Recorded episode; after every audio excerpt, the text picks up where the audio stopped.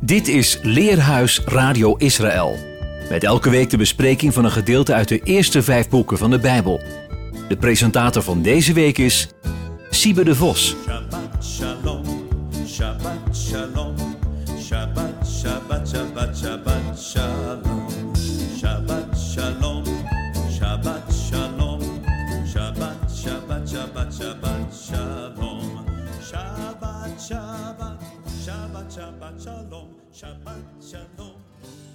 De Torah-lezing van deze week is Leviticus 21 tot en met 24. De titel van de parasha is Emor, zeg. Hoofdstuk 21 en 22 behandelen de specifieke voorschriften voor de Kohanim, de priesters. Als je deze wetten bestudeert, is het duidelijk dat de priesters aan een hogere standaard van rituele reinheid werden gehouden en aan een hogere algemene standaard dan de gemiddelde Israëliet.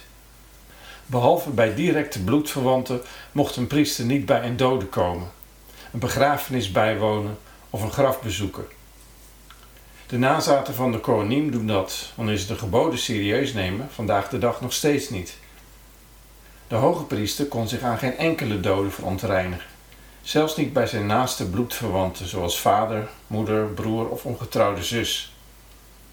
Daarna gaat de tekst over het eten van de heilige gaven, ook wel troema genoemd, en de voorgeschreven delen van de oogst en de offers die aan de priesters gegeven dienen te worden. Een priester met zekere lichamelijke gebreken kon de dienst bij het altaar ontzegd worden. Dit komt overeen met de volmaakte gave toestand waarin de offerdieren moesten worden aangeboden. Hoofdstuk 22 beschrijft de gebreken die een offerdier ongeschikt maken als korban offer. Beide offerdier en priester moesten dus volkomen gaaf zijn. Hoofdstuk 23 behandelt Gods kalender met de Moedim van Adonai, letterlijk de vaste afspraken van ontmoeting tussen God en zijn volk Israël. Hoogtijden die Israël moet uitroepen, beginnend met de wekelijkse Shabbat. Daarna beschrijft de kalender elke moed zoals ze gedurende het jaar voorbij komen. In de eerste maand, de tijd van de lente, is het Pesach, dat op de voet gevolgd wordt door de zeven dagen van de ongezuurde broden. Voordat deze voorbij zijn, wordt het eerstelingenoffer van het nieuwe graan naar het huis van God gebracht en begint het tellen van de 49 dagen, de omertelling, die uitmondt in Shavuot, oftewel Pinksteren. Als de lange zomer voorbij is, beginnen de herfstfeesten met een rustdag aangekondigd door geschal, Yom Teruah, in de latere traditie Rosh Hashanah genoemd. Het is een dag van herinnering, die tien dagen later gevolgd wordt door de Verzoendag, in het boek Handelingen kortweg de Vasten. Vijf dagen later begint Sukkot, het feest, waarbij Israël wordt opgedragen om in tijdelijke onderkomens te wonen, als een herinnering aan de zwerftocht door de wildernis op weg naar het land van de belofte. In hoofdstuk 24 worden de specifieke wetten voor de priesters vervolgd, zoals het voorschrift rond de olie voor de gouden menorah, die voortdurend moet branden en het voorschrift voor de twaalf broden die elke Shabbat voor het aangeschrift van Adonai moeten worden neergelegd. En die alleen door de priesters op een heilige, lees, afgezonderde plaats gegeten mogen worden. De parasha eindigt met het verhaal van de zoon van een Danitische vrouw en een Egyptisch man die Gods naam lastert. Een van de slechts twee verhalende gedeelten in heel Wayikra, Leviticus. De parasha eindigt met de straf die daarop volgt geldend zowel voor de vreemdeling als voor de geboren Israëliet. Zo ook de overige rechtsregels. De wetten rond het doden van mensen en dieren en rond het toebrengen van lichamelijk letsel worden hier herhaald. Zie de eerder gegeven Mishpatim in Exodus 21, met name vers 23 tot en met 25. Voor de Israëliet en voor de Ger, de onder Israël wonende vreemdeling, geldt hetzelfde recht.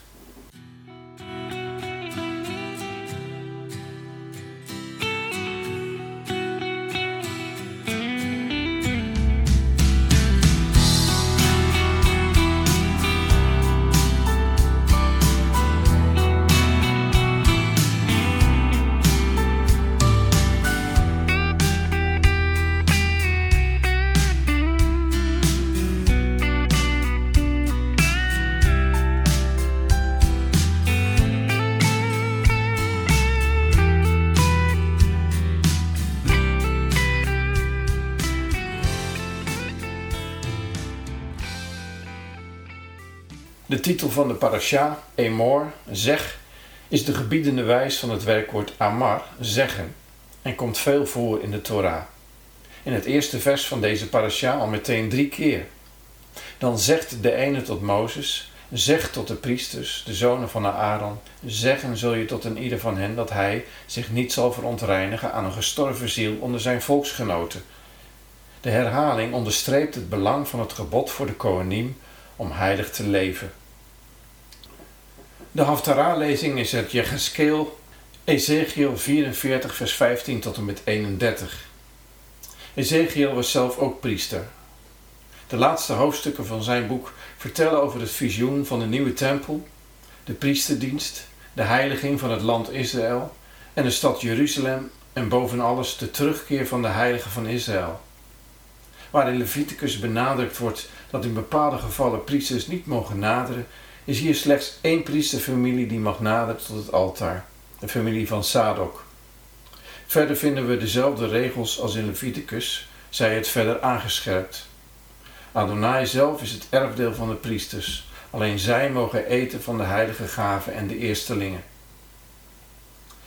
Een van de lezingen uit de apostolische geschriften is uit Lucas 12, vers 35 tot 48. Yeshua roept zijn volgelingen op om steeds klaar te staan en de lampen brandende te houden. De dienaren, slaven, die getrouw hun dienst al wakend volbrengen, zal de Heer op een dag zelf bedienen aan zijn tafel. Als Petrus vraagt: Heer, wie bedoelt u eigenlijk? antwoordt Yeshua met een wedervraag. Wie is dan de trouwe, verstandige rentmeester die de Heer over zijn bedienden zal aanstellen om hun op tijd hun deel te geven? Wie de schoen past, trek hem aan. Maar ook van een ieder wie veel gegeven is, zal veel geëist worden. En aan wie veel is toevertrouwd, van hem zal des te meer worden gevraagd. We kijken achtereenvolgens naar 1. De geroepen heilige, 2. Oproepen tot heiliging en 3. Voortdurend heilig.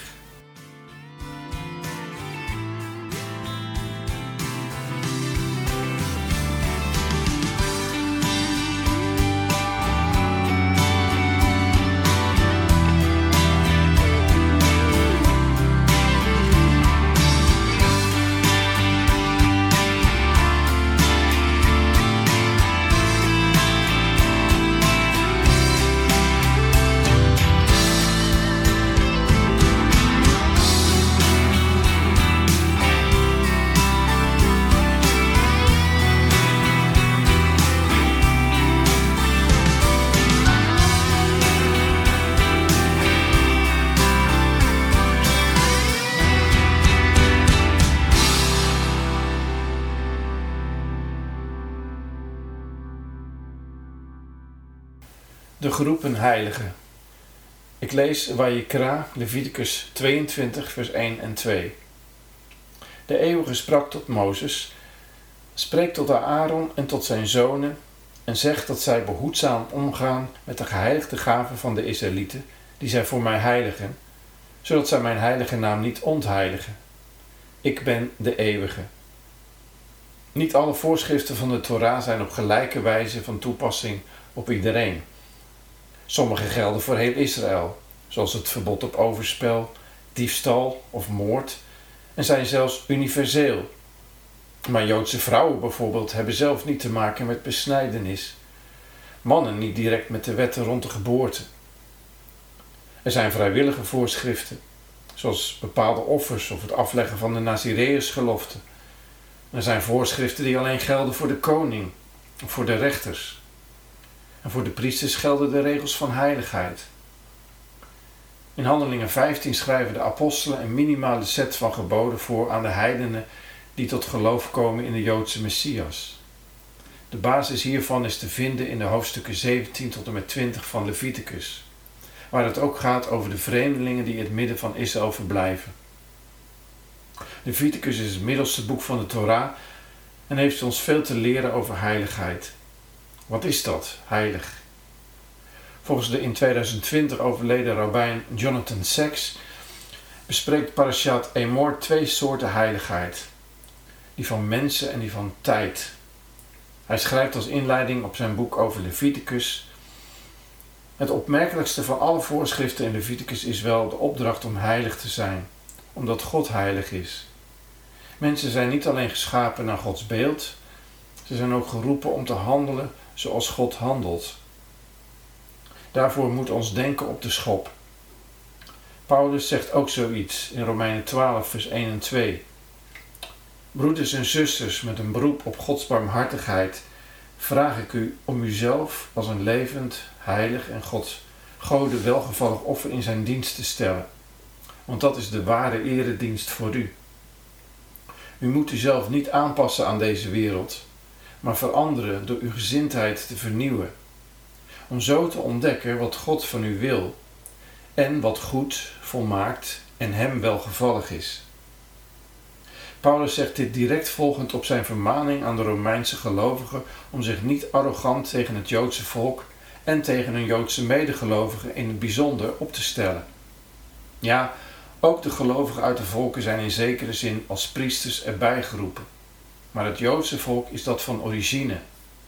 In Exodus 19 zegt God dat specifiek tegen Israël. En binnen Israël zijn daar de Levieten, de stam die aan Mozes kant stond in het gebeuren met het gouden kalf. En binnen de stam Levi wordt de familie van Aaron geheiligd. Deze Kohanim moeten Israël onderscheid leren. Zoals God in Genesis 1 de wereld ordent door voortdurend Havdalah, scheiding aan te brengen. Licht en duisternis, water en land, man en vrouw. Zo moeten de priesters dat ook doen. Scheiding tussen heilig en profaan, tussen rein en onrein. De voorschriften van Emor tonen, tonen aan dat de Kohanim volgens een hogere norm moeten leven dan de rest van Israël.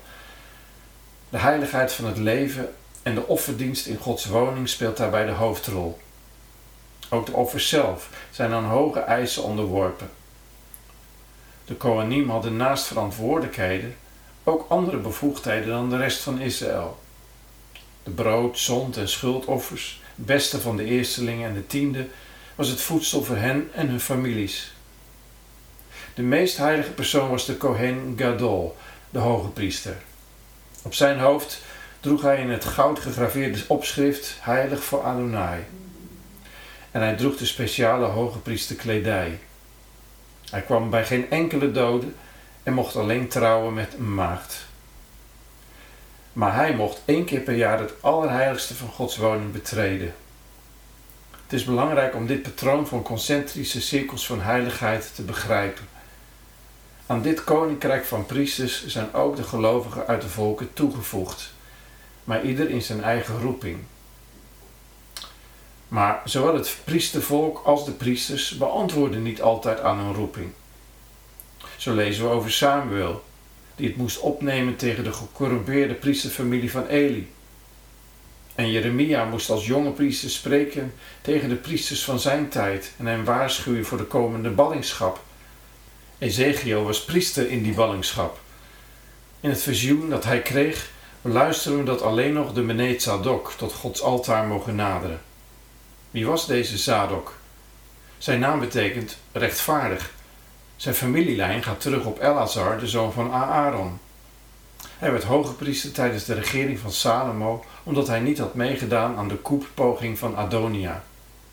In Ezekiels tijd was dat al lang geleden. Sommige commentatoren hebben hier daarom uit afgeleid dat het in Ezekiels visioen gaat om die priesters die in het spoor van Zadok gewandeld hebben en de heiligheid van het heiligdom hebben bewaakt toen de Israëlieten van Adonai afdwaalden. Beneet Zadok, zonen van Zadok, kun je ook vertalen als volgelingen van de rechtvaardigen. Zo ook sprak onze Heer Yeshua tegen de overpriesters van zijn tijd en werd veroordeeld en overgeleverd aan de heidenen. Uiteindelijk tot heil voor zijn volk en voor alle volken.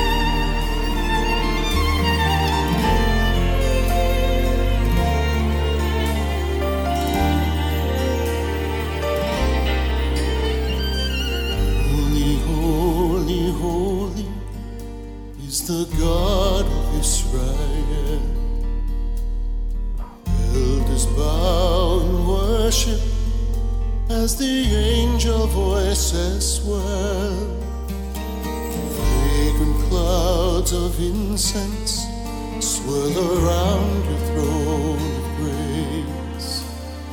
Lord, we bow in worship at the brilliance of your face. We cry,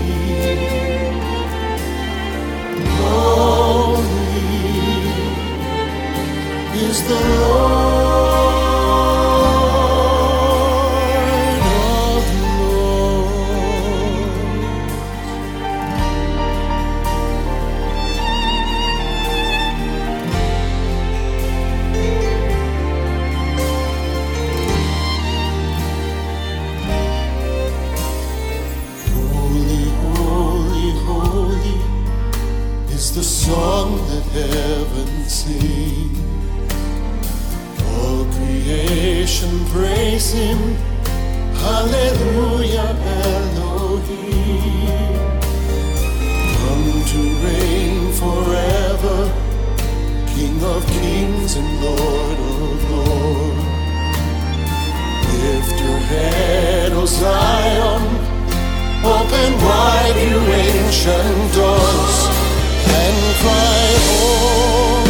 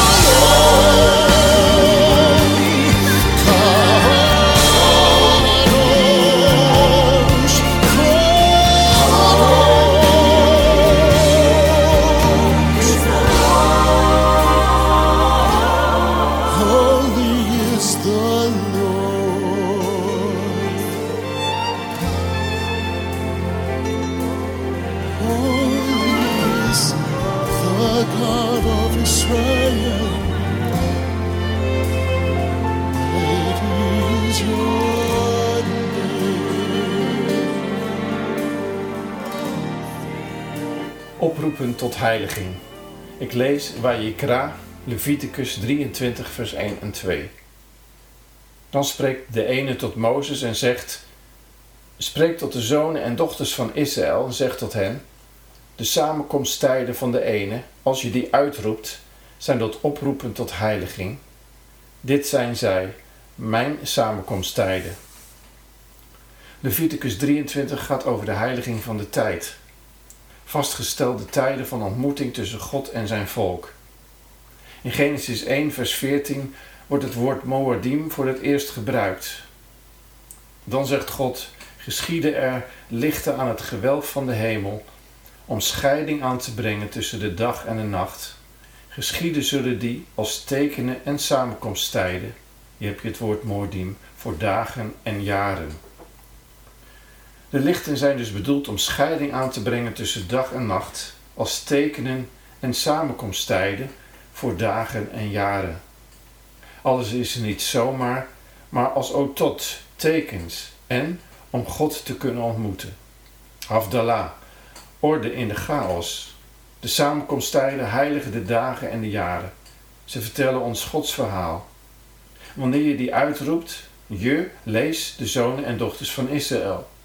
Aan Israël is de taak gegeven om de feesten uit te roepen. In bijbelse tijden werd de nieuwe maan aangekondigd door een beet din, een rechtbank. Dat gebeurde met boden en ook met vuren.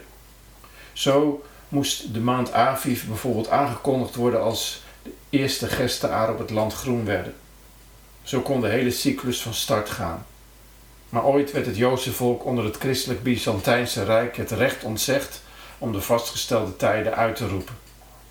De kalender die sindsdien in het Jodendom dienst doet, is de kalender van Hillel II. Die kalender was een noodgreep en daarom ook niet perfect, maar het heeft wel het Joodse volk al die eeuwen bijeengehouden. Daarom past het gelovig uit de volken niet om vooraan te staan in het leveren van kritiek op die kalender of bijvoorbeeld op de manier waarop de omer wordt geteld. Ons past hierin bescheidenheid. Het zijn Gods moedim, dat is waar. Maar niet wij, maar Israël is door God aangesteld om de vastgestelde tijden uit te roepen. Vervolgens zijn het oproepen tot heiliging. Er worden drie verschillende Hebreeuwse woorden gebruikt om de hoogtijdagen aan te duiden. Ten eerste moed, afspraak voor een ontmoeting. Ten tweede mikra, oproep. Ten derde gach, feest, dansen, vieren. Dit woord heeft betrekking op de drie gachim, Pesach, Shavuot, Sukkot. Wanneer tenminste alle mannen de pelgrimsreis naar het heiligdom moeten ondernemen. In Leviticus 23 vinden we vijf keer de inleidende zin, dan spreekt de ene tot Mozes. Deze zin verdeelt het verhaal over de Moedim in vijven. De eerste keer wordt de Shabbat genoemd en daarna Pesach en Matzot. Zie vers 1 van 23. Bij de tweede keer lezen we over het aanbieden van de eerste omer, de omertelling en Shavuot. Zie vers 9. De derde keer gaat over Yom Teruah, vers 23. In het Hebreeuws staan hier vijf woorden. Shabbaton, Zigron, Teruah, Mikra en Kodesh. Wat vertaald wordt speciale Shabbat, herinnering, geklank, oproep en heiliging. Deze woorden gelden in feite alle Moedim. Staat het daarom centraal? Bij de vierde keer lezen we over Yom Kippur, de verzoendag, vers 26. En tenslotte de vijfde keer over Sukkot en de achtste dag, vers 33, de eeuwige Shabbat. Vijf keer dan spreekt de ene. Vijf kun je op één hand tellen. De Torah, de onderwijzing, heeft vijf boeken. In de parabel over de komst van de Messias spreekt Yeshua over vijf wijze bruidsmeisjes. Vijf ervan waren voorbereid. De beginhoofdstukken van de Viticus spreken over vijf soorten korbanot, offers. Het getal vijf vinden we in het Hebreeuws terug als de letter he. De he is het symbool voor venster. De he, de vijf dus, staat daarmee voor de openbaring van dat wat gaat komen. Shaul, Paulus, schrijft aan de gelovig geworden heidenen in Kolossen: Laat dan niet iemand u oordelen in zaken spijs en drank, of op het punt van een feest of nieuwe maan of Shabbat, dingen die een schaduw zijn van de dingen die komen. Maar het lichaam is dat van de gezalfde. Colossensen 2, vers 16 en 17. Moed, nieuwe maan en Shabbat zijn dus een schaduw van de dingen die komen. Het zijn als het ware wekelijkse, maandelijkse en jaarlijkse aankondigingen van de komst van het koninkrijk. Maar het lichaam, ook al vertaald als substantie, werkelijkheid, is van de Messias van Israël. Het draait om de openbaring van Hem. De Moedim vormen een schaduw van Hemzelf. En waar een schaduw is, daar is het lichaam vlakbij. Dat is het uitzicht dat de Moedim bieden. Dat mag ook ons uitzicht zijn. Paulus roept de gelovigen op om elkaar niet te oordelen als het gaat om eten of drinken of over het vieren van de Moedim, de nieuwe maan of Shabbat. Dat is al genoeg gebeurd. De substantie is de Messias. Door als het ware aan zijn tafel te vieren, van hem te leren, krijgen we een voorsmaak van de dingen die nog komen. Het Messiaanse banket, waarover onder andere Jesaja 25 spreekt.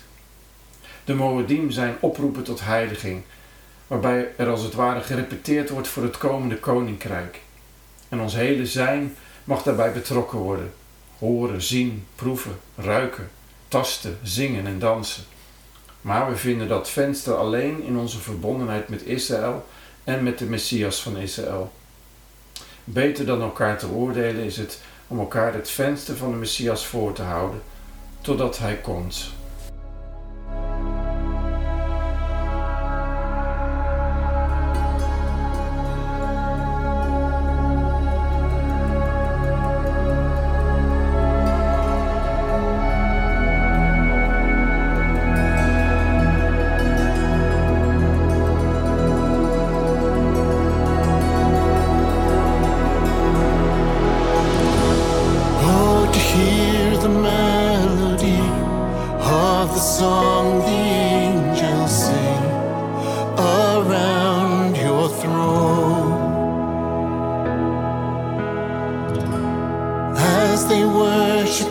Night and day, bringing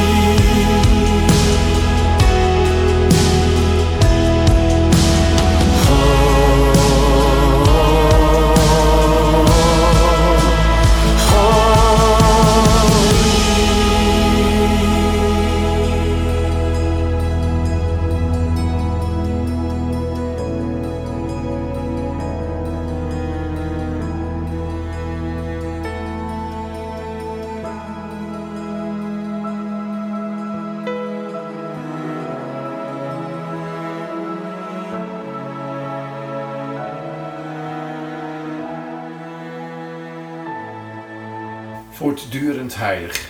Ik lees Wajekra, Leviticus 24, vers 1 tot en met 4. Dan spreekt de ene tot Mozes en zegt: Gebied de zonen Israëls dat ze naar jou meenemen zuivere gestoten olie van de olijf voor de verlichting, om licht te ontsteken altijd. Buiten het voorhangsel voor de overeenkomst in de tent van samenkomst zal Aaron van avond tot morgen daarvoor zorgen, voor het aanschijn van de ene altijd. Een inzetting van eeuwig voor al uw generaties. Op de kandelaar, de reine, zal hij de lampen verzorgen voor het aanschijn van de ene altijd. In Parashat Emor, zeg, vinden we zoals vastgesteld veel voorschriften voor de priesters. Dat was al eerder te vernemen uit Parashat Tzetzaveh, je zult gebieden, in Exodus 27, vers 20 tot 30, vers 10. Waar als eerste het gebod genoemd wordt om zuivere olijfolie naar de priesters te brengen om de menorah, de zevenarmige kandelaar, voortdurend te laten branden. Verder lazen we daar over het voortdurend brandoffer, elke morgen en elke avond.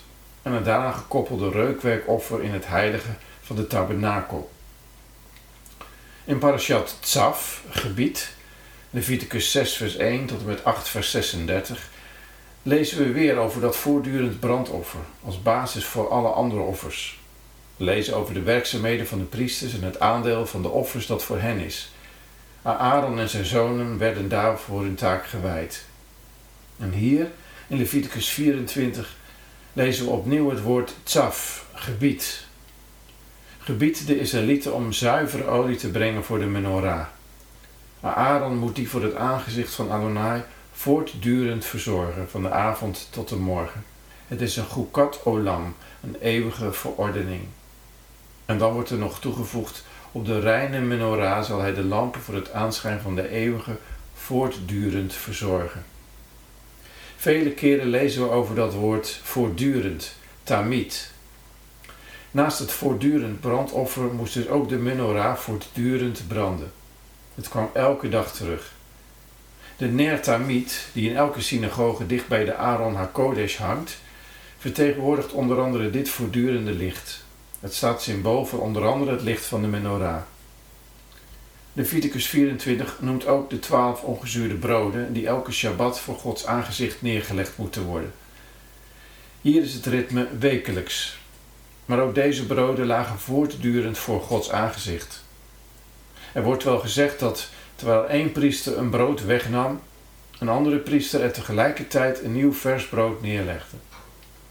De broden worden hier overigens galla genoemd, waar het woord galles vandaan komt, de broden die in Joodse huizen op de Shabbattafel liggen. In 24 vers 7 wordt het ook lechem la askara, brood der herinnering genoemd. De tafel is tahor, rein, en de broden worden allerheiligst genoemd en moeten op een heilige plaats gegeten worden, en dat alleen door de priesters. Dat maakt het des te opmerkelijker dat de hoogpriester Achimelech in 1 Samuel 21 voor David een uitzondering maakt als deze bij hem aanklopt en dit heilige brood meekrijgt.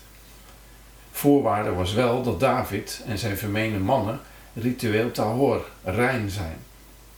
Als David dan ook nog zegt dat de voorwerpen, wapens, kleding of vaatwerk die ze bij zich hebben, geheiligd zijn voor de tocht, dan geeft dat de doorslag bij Achimelech. Blijkbaar kan het ene voorschrift door het andere conflicterende voorschrift worden overroeld. Yeshua haalt dit voorval aan als zijn discipelen op Shabbat korenaren fijn wrijven om te eten en zij daardoor fariseeën ook worden aangesproken. Ja, zelfs de priesters overtreden de Shabbat om hun dienst te kunnen vervullen. Ze hebben het zelfs extra druk op Shabbat en met de feesten. Voor gelovigen in Yeshua heeft het begrip Tamid voortdurend nog een extra dimensie. Hij wordt door de schrijver van de brief aan de Messiaanse Joden, oftewel de Hebreeën, getypeerd als de hoge priester naar de ordening van Melchizedek. Hebreeën 7, vers 23 tot en met 25. Die zijn met vele priesters geworden, omdat zij door de dood verhinderd werden aan te blijven. Maar deze heeft het priesterschap dat niet voorbij gaat omdat Hij blijft tot in de eeuwigheid. Daarom kan Hij ook geheel en al redden diegenen die door Hem tot God komen, want daarvoor leeft Hij altijd, om voor hen tussen beiden te komen. In Openbaring 1 ziet Johannes een indrukwekkende verschijning van deze hemelse hoge priester, bekleed met een tot de voeten reikend gewaad en aan de borst omgord met een gouden gordel. Zo zijn we weer terug bij Zadok, de rechtvaardige priester. Laten we op hem ons oog gericht houden.